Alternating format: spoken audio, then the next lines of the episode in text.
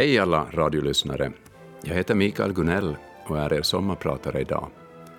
Radion kallar mig lärare, skidentusiast och löpare. Och visst är det så, jag är lärare, älskar att skida och tycker om att löpa.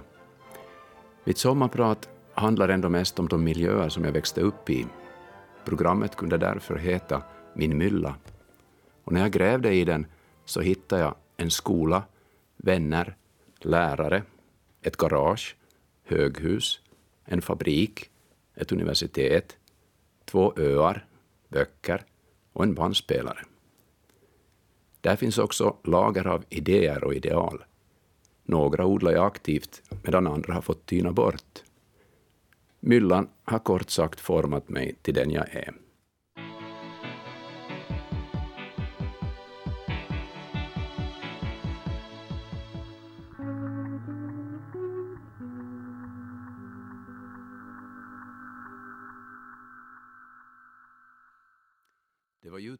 Beautiful Day. Jag ska backa till början av 1980-talet och börja med garaget. Kari, Janne och jag är hemma i vårt garage i Larsmo. Vi bor på samma gata i det nybyggda villaområdet och kallar oss Kings Rock Rock. Harry Gaines är våra stora idoler.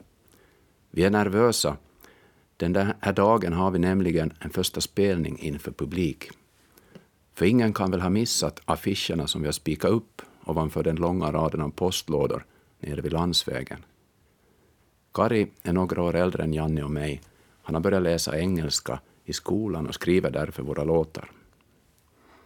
Janne har en egen gitarr, en Landola från Jakobstad. Han har fått den av sin farbror Janki, han som har träffat Remo Aaltonen, trummisen och frontfiguren i Harry Gaines. Kari har en elgitarr, men ingen förstärkare. Det är jag som sitter där längst bak, vid trummorna, med ryggen mot väggen. Kings Rock Rock drömmer om spelningar i stimmiga lokaler med skrikande tjejer som försöker klättra upp på scenen. Jo, jo, vi fattar nog att det är långan vägtid, men alla har ju börjat någon gång, men första keikku, så var det med Harry så. Ska vi inte börja snart? frågar Janni. Ja, vi kan vänta lite ännu, svarar Kari. Och nu kommer Maria och Nina, fortsätter han. Grannflickorna Maria och Nina är lika gamla som oss och kommer i utsatt tid, precis som de har lovat. Ni kan lägga pengar, jag hade burtsi till det på golvet, ropar Kari. Maria och Nina blir stående innanför garageporten, viskar något till varandra. Nej, nu får vi nog börja, annars inte papp kom hem från arbetet, säger jag till Kari. Flickorna börjar fnissa, men då drar Kari igång introt till låten We are young, but we learn us.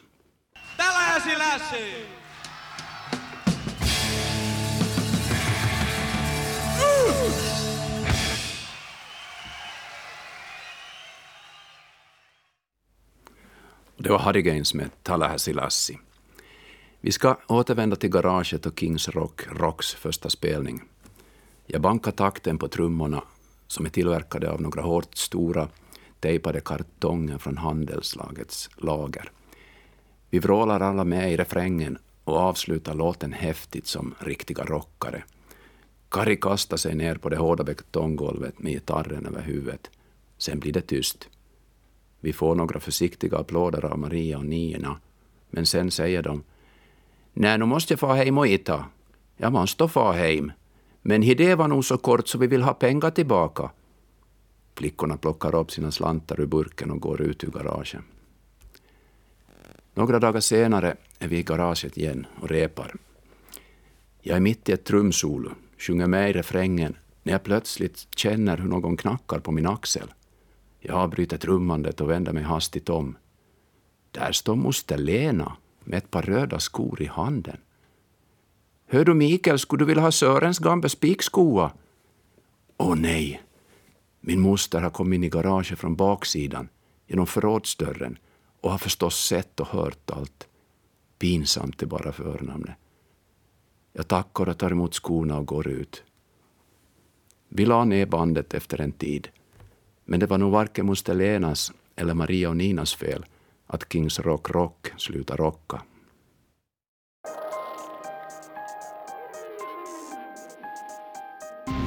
Like violence.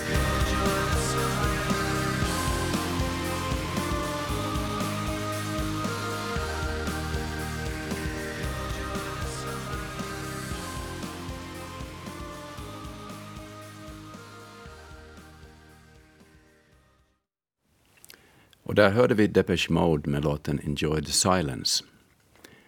När hösten kom så började jag istället jobba ihop pengar till en kassettbandspelare. En med två kassettluckor, inspelningsfunktion och två löstagbara högtalare. Arbetet gick ut på att plocka lingon. Och mytsilingorna var till, till slut. Handelslaget köpte in bär på höstarna och betalade ett hyggligt kilopris för rensade lingon. Det blev många turer ut i lingonskogen den hösten. När jag vägde in lingonskörden så räckte förtjänsten nästan till en bandspelare och en kassett. Men skulle jag våga köpa den kassett som jag hade kikat på i skyltfönstret? Gruppen spelar ju en typ av musik som de vuxna förfasar sig över. Man sa att den här musiken, hårdrocken, var djävulens musik. Den var alltså farlig, inte minst för oss ungdomar. Ni kan själva föreställa er hur pratet gick i bibelbältets byar och stugor. De säger att om man spelar sivorna bakväg så får man hör fan själv. Men jag skulle ju bara ha en kassett. Det kan väl inte vara så farligt, tänkte jag. Han kan ju spolkassetta bakåt, men inte går det väl till spela den bakväg, eller? Jag vågade inte visa kassetten för mamma när jag kom ut ur Fazers musikaffär i Jakobstad. Och när vi kom hem så gick jag in på mitt rum, stängde dörren, satte mig på sängen och studerade omslaget en lång stund. Sen petade jag in kassetten försiktigt, vred ner volymen och tryckte på play.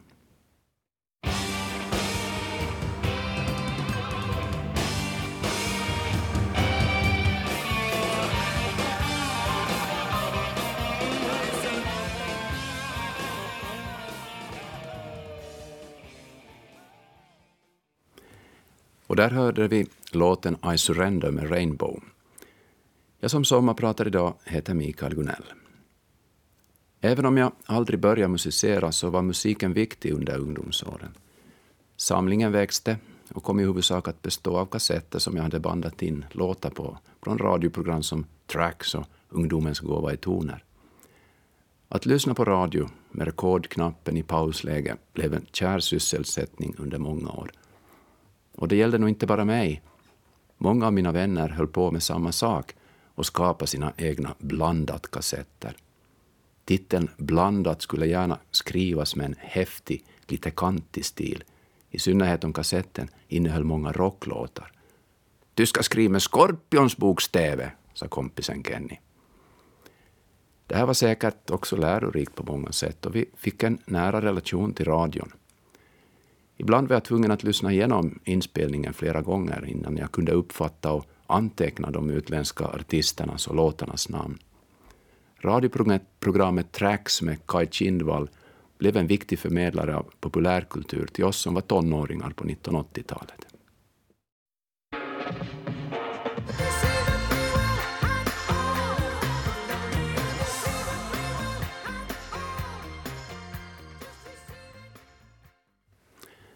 Och det var Owner of a Lonely Heart med gruppen Yes. Jag ska spola bandet ännu längre bakåt, till 1970-talet. Mina sju första år i livet så bodde jag i Jakobstad med mamma, pappa och lilla syster Lotta. Vårt höghusområde låg på fel sida av järnvägen, åtminstone om man var svenskspråkig. På vår sida, bland höghusen, bodde mest finskspråkiga arbetarfamiljer, många med rötterna i inlandets sjönejder. Bakom husen låg järnvägen. Den gick norrut mot Tjåmans pappersfabrik och hamnen på Alholmen. Fabriken var sedan länge nejdens största och viktigaste arbetsgivare. Redan kring sekelskiftet 1900 så hade flyttlassen börjat gå från inlandets finskspråkiga socknar ut till den lilla svenskspråkiga staden vid kusten. På den tiden var Strängbergs tobaksfabrik stadens största arbetsplats. Jakobstad förvandlades på kort tid till en industristad. Befolkningen ökade i rask takt och man började höra finska på gator och torg.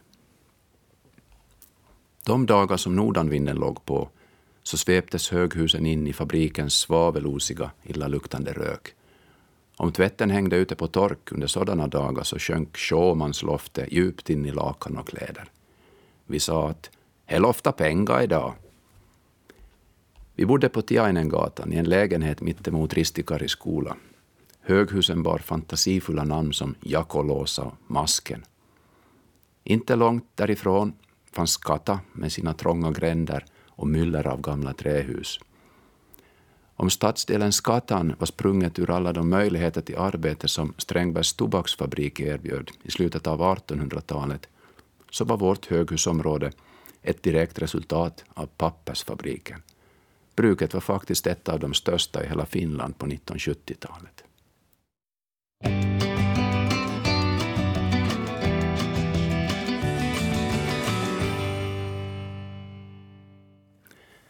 Och där fick vi lyssna på Vasas Flora och fauna med låten Om jag någonsin far till Jakobstad igen. Där på sågverket jobbade pappa som elektriker. På ritkontoret satt farbror Rolf och farfar Gustav fanns också där någonstans. Han brukade cykla till fabriken från hemmet till Larsmo. Men vad han gjorde där hade jag ingen aning om. Han var inte så pratsam, men verktygsbacken var tung. Där under fabrikens rökmoln jobbade de tillsammans med hundratals andra kvinnor och män från både stad och landsbygd. På de gårdsplaner där Markku, Kirsi, Heli och jag lekte så hörde man sällan svenska. Min dagmamma bodde i trapphuset intill och kunde inte ett ord råttia. Men svordomarna uppfattade hon snabbt, även om de kom på klingande svenska. Då fick man gå på toaletten och tvätta munnen med tvål. Söndagsskolan i Ristikari gick på finska och daghemmet som jag snart började gå i var helt finskspråkigt. Åren på Tiainengatan gjorde mig till en liten finnpojke och finskan blev på sätt och vis mitt viktigaste språk.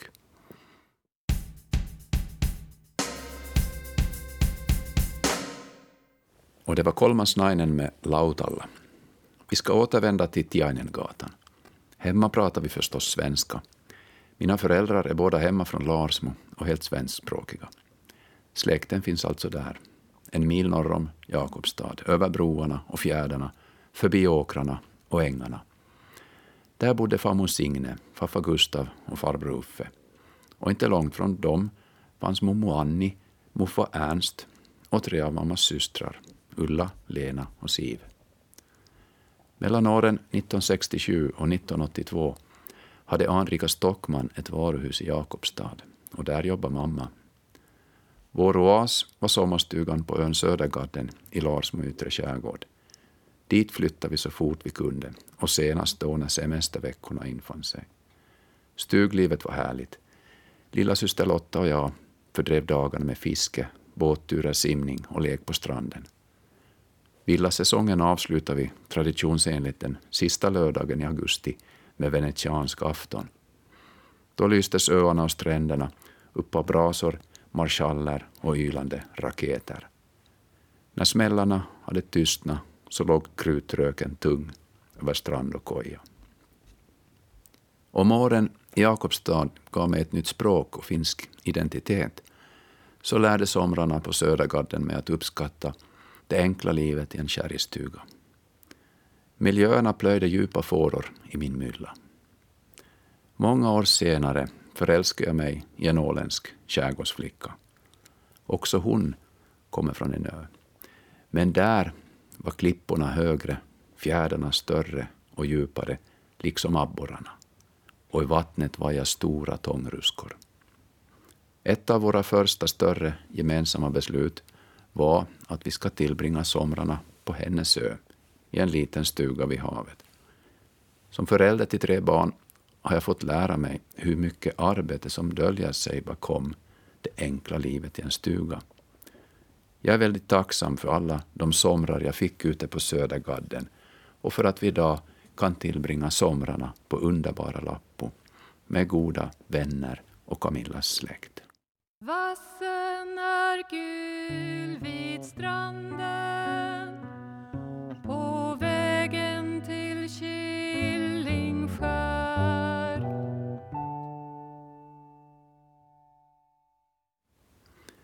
Och det var Astuflickorna från Lappo, Låten heter Vägen till Killingskär. Samma år som jag började skolan så flyttade vi till Arsmo. Egnahemshuset som pappa hade byggt under sena kvällar och korta veckoslut stod nu färdigt. Det statliga Aravalånet kastade väl sina skuggor över oss, men det var inget som bekymrade en livlig 20-åring som plötsligt hade eget rum och där gården bjöd på bärbuskar, grönsaksland, jordgubbar och en stor gräsmatta. Åren på Holmvägen i Larsmo blev, blev nog ett liv på Lyckliga gatan. Grundskolan var ett av välfärdsbyggets främsta element. Men vår skola var gammal. Vi fick nämligen börja den gamla folkskolans byggnader med kakelugn i klassrummet och utedass på gården. Och på morgnarna kröp vi upp i samma sittpulpeter som min mamma och hennes klasskamrater hade suttit på sin tid. Allt var spännande och nytt. Lärarinnan hette Gunlög och hon var snäll. Kalla vinterdagar fick vi turas om att vara veddetjurer. Veden skulle bäras in från lidret ute på gården och kakelugnen hållas varm. Gunlög viskade att vi fick hålla jacka och mössa på om vi fick kallt. Välfärden bredde ut sig i Finland, men resten av det förgångna fanns kvar på många håll, inte bara i lilla Larsmo.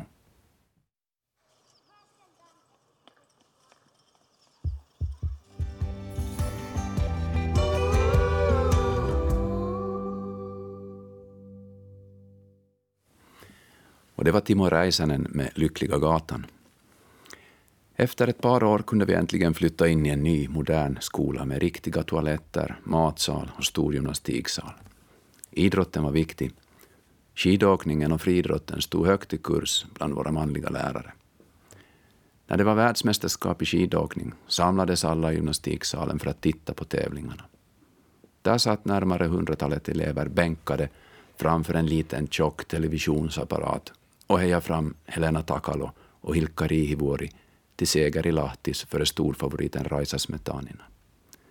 När medaljerna var bärgade utbröt ett vilt jubel i gymnastiksalen och en av lärarna brast ut i gråt.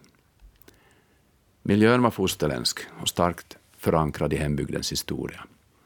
Men den var inte särskilt religiös.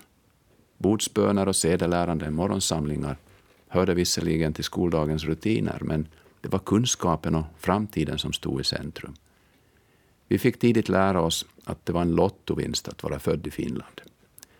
Det kändes som att vi alla ingick i ett program, ett nationellt projekt. Vi skulle fostras till ansvarsfulla och skötsamma medborgare. Landets framtid vila i våra späda händer. Era far och morföräldrar har slitit, kämpat och dött för er. Ni ska vara tacksamma, flitiga och ansvarsfulla.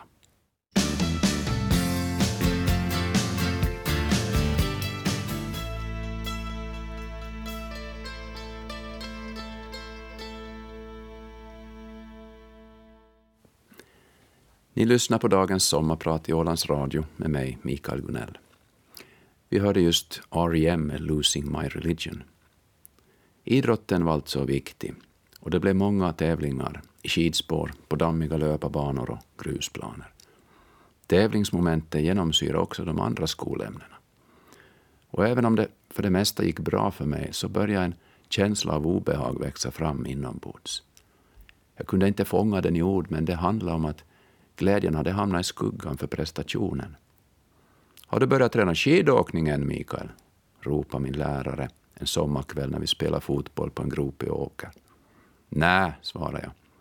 Nå, det ska vi nog ändra på när skolan börjar, fick jag till svar. När jag blev tonåring så fick skidorna stanna på hyllan i garaget och jag började istället spela fotboll och hockey. Höjdpunkten infann sig i början på 90-talet när jag åkte med Nykabi-pojkarna, två engelsmän och en kokkolabo på träningsläger i Italien. Idrotten ska bygga på glädje. Prestationen får lov att vänta, åtminstone för barn och unga. Som fotbollspappa är jag glad för att mina barn får växa i den sunda idrottsmiljö som Åland och IFK Mariehamn erbjuder åt våra barn och ungdomar. Det var här på Åland med sina korta, tveksamma vintrar som jag återfann barndomens glädje i att susa fram på skidorna genom en vit, tyst skog. Och tack vare de riktiga entusiasterna vid Jomala skid och skidskyttecentrum så kan man till och med träna inför Vasaloppet. Skidåkningen en av livets stora fröjder och Vasaloppet i mars en av årets höjdpunkter. Som aktiv motionär tävlar jag i första hand mot mig själv och min bästa tid. Men visst håller jag också ett öga på mina åländska konkurrenter och några Larsmobor.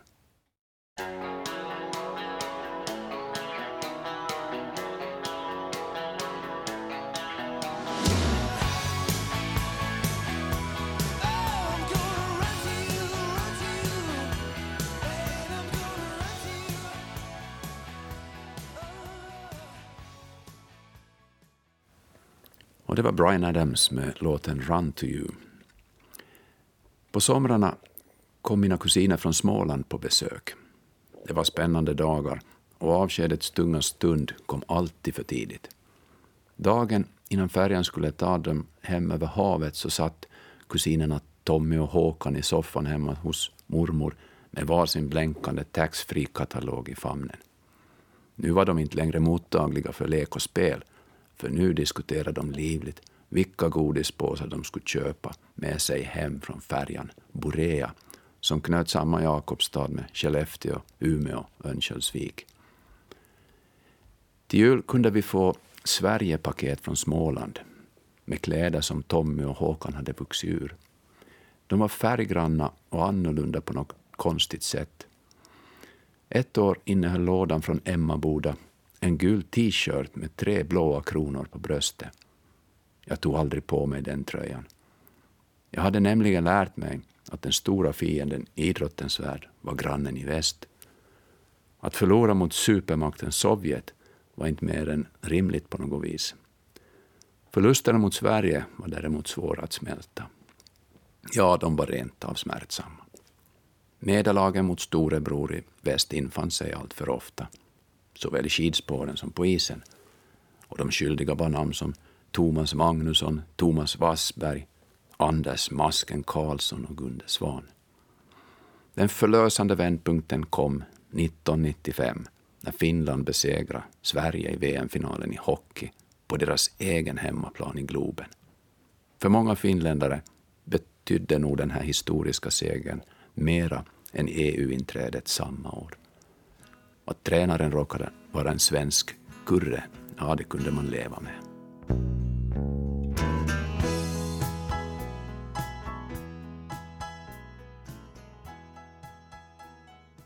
Och det var Sankarit med J. Karjalainen.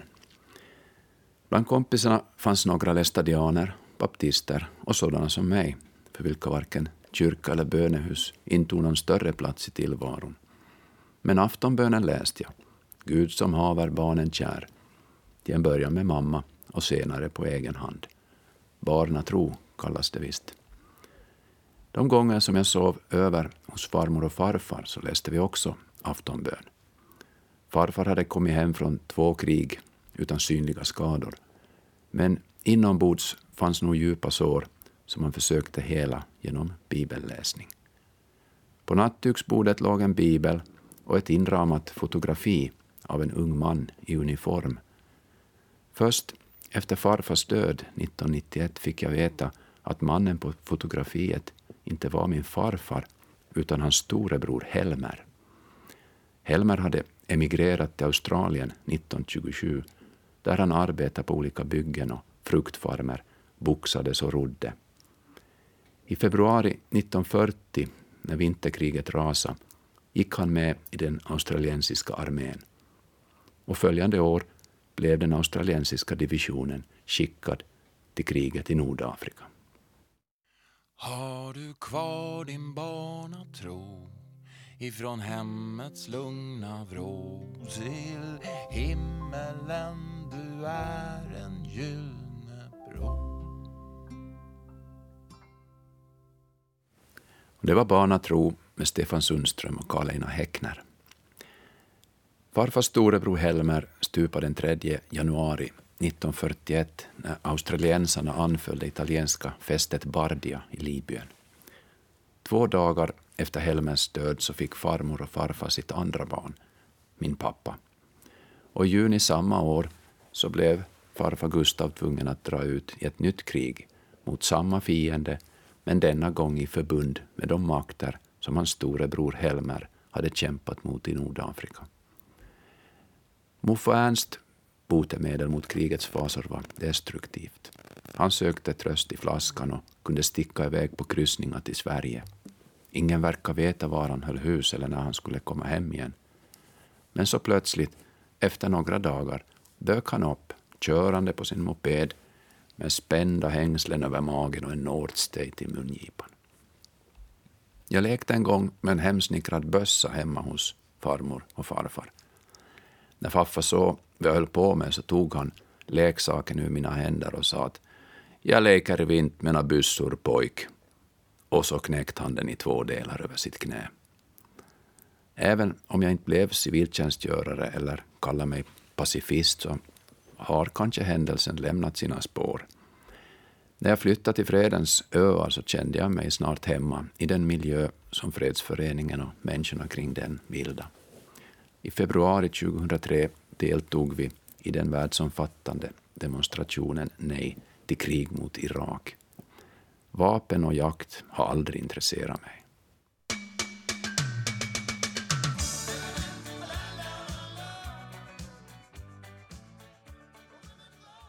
Och det var Men at Work med Down Under. Mina hemtrakter kallas ibland för bibelbältet. Det låter gammalmodigt och andas trångsynthet. Och visst, det fanns och finns församlingshus i så gott som varje by och varje kvarter i Jakobstad. Men miljön präglas också av fritänkande, rebelliskhet och en stark entreprenörsanda. Den österbottniska kusten har varit snabb att anamma nya influenser från Sverige, inte minst via televisionen. Musik och kultur, kulturlivet har blomstrat och på 1980-talet kallade man Jakobstad för Finlands Liverpool. En del av förklaringen ligger i väckelserörelsen som ju bygger på protest, förnyelse och strävsamt arbete. Det var baptisterna som startade Landolas gitarrfabrik en gång i tiden, då behovet av gitarrer var stort i de sjungande och spelande församlingarna. Nautors Swan-båtar, segelbåtarnas Rolls Royce, hade aldrig blivit så framgångsrika, menar grundaren Pekka Koskenkylä, utan alla de lojala och skickliga träkarlar, många av dem lästadianer, som jobbar där på Nautor. Exemplen är många. Snellmans korvfabrik, Kokkola-baptisterna som grundade Halpahalli, för att inte tala om alla båtvarv i Larsmo.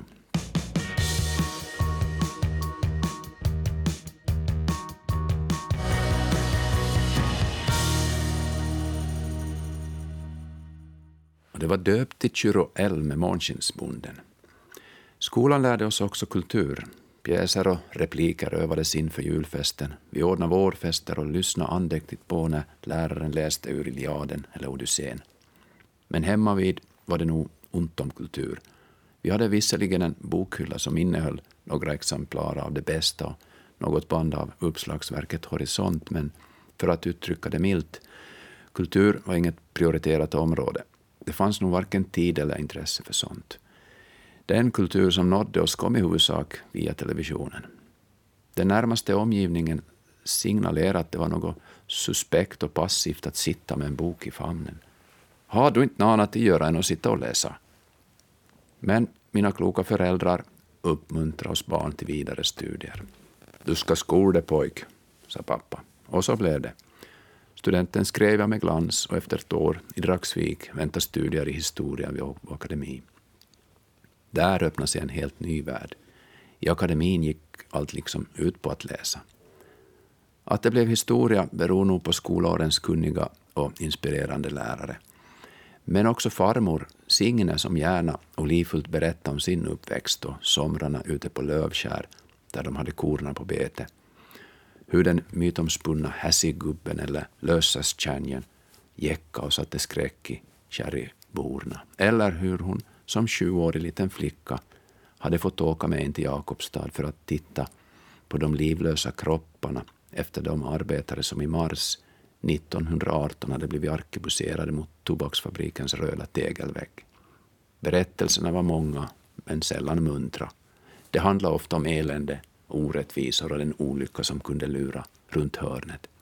Hon berättade med inlevelse och kunde verkligen trollbinda sina barnbarn.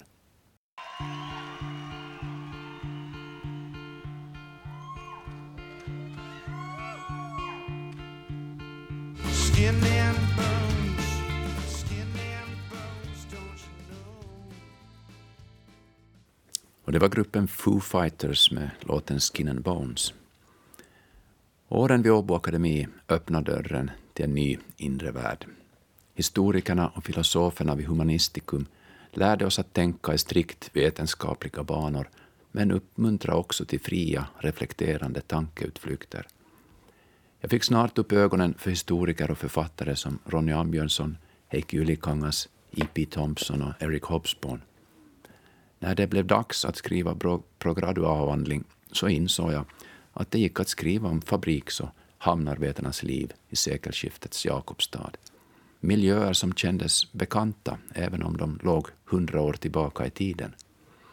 Ämnesvalet förstärktes av mina sommarjobb i hamnen på Alholmen och vid Jakobstads museum.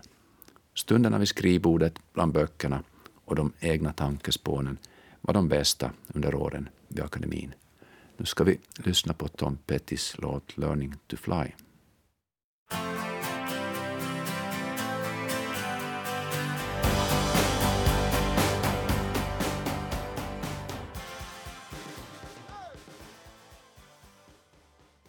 För en historielärare är Åland en riktig guldgruva. Vi har fantastiska museer och spåren efter 7000 år av mänsklig kultur är välbevarade och ligger nära. För vi är historiska varelser.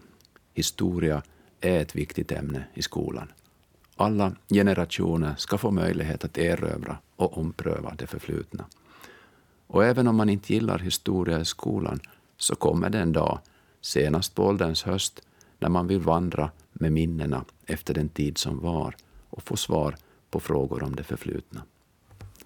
På kvinnodagen 2003 fick vi vårt första barn, en dotter. Det var en obeskrivlig lycka och min känsla för Åland växte sig stark. Jag fick hembygdsrätt samma år och följande år steg IFK Mariehamn till ligan. När IFK mötte Jakobstadsklubben Jarro för första gången i en ligamatch så hejade jag till min frus förvåning på IFK. 20 år på Åland har gett upphov till ett nytt lager i min mylla och gett mig en ny identitet. De andra ligger där under men ibland kommer de upp till ytan och det känns bra. Den åländska myllan är livskraftig och sund. Jag är glad för att mina tre barn får växa i den. Jag heter Mikael Gunell och det här var mitt sommarprat. Tack för att ni lyssnade.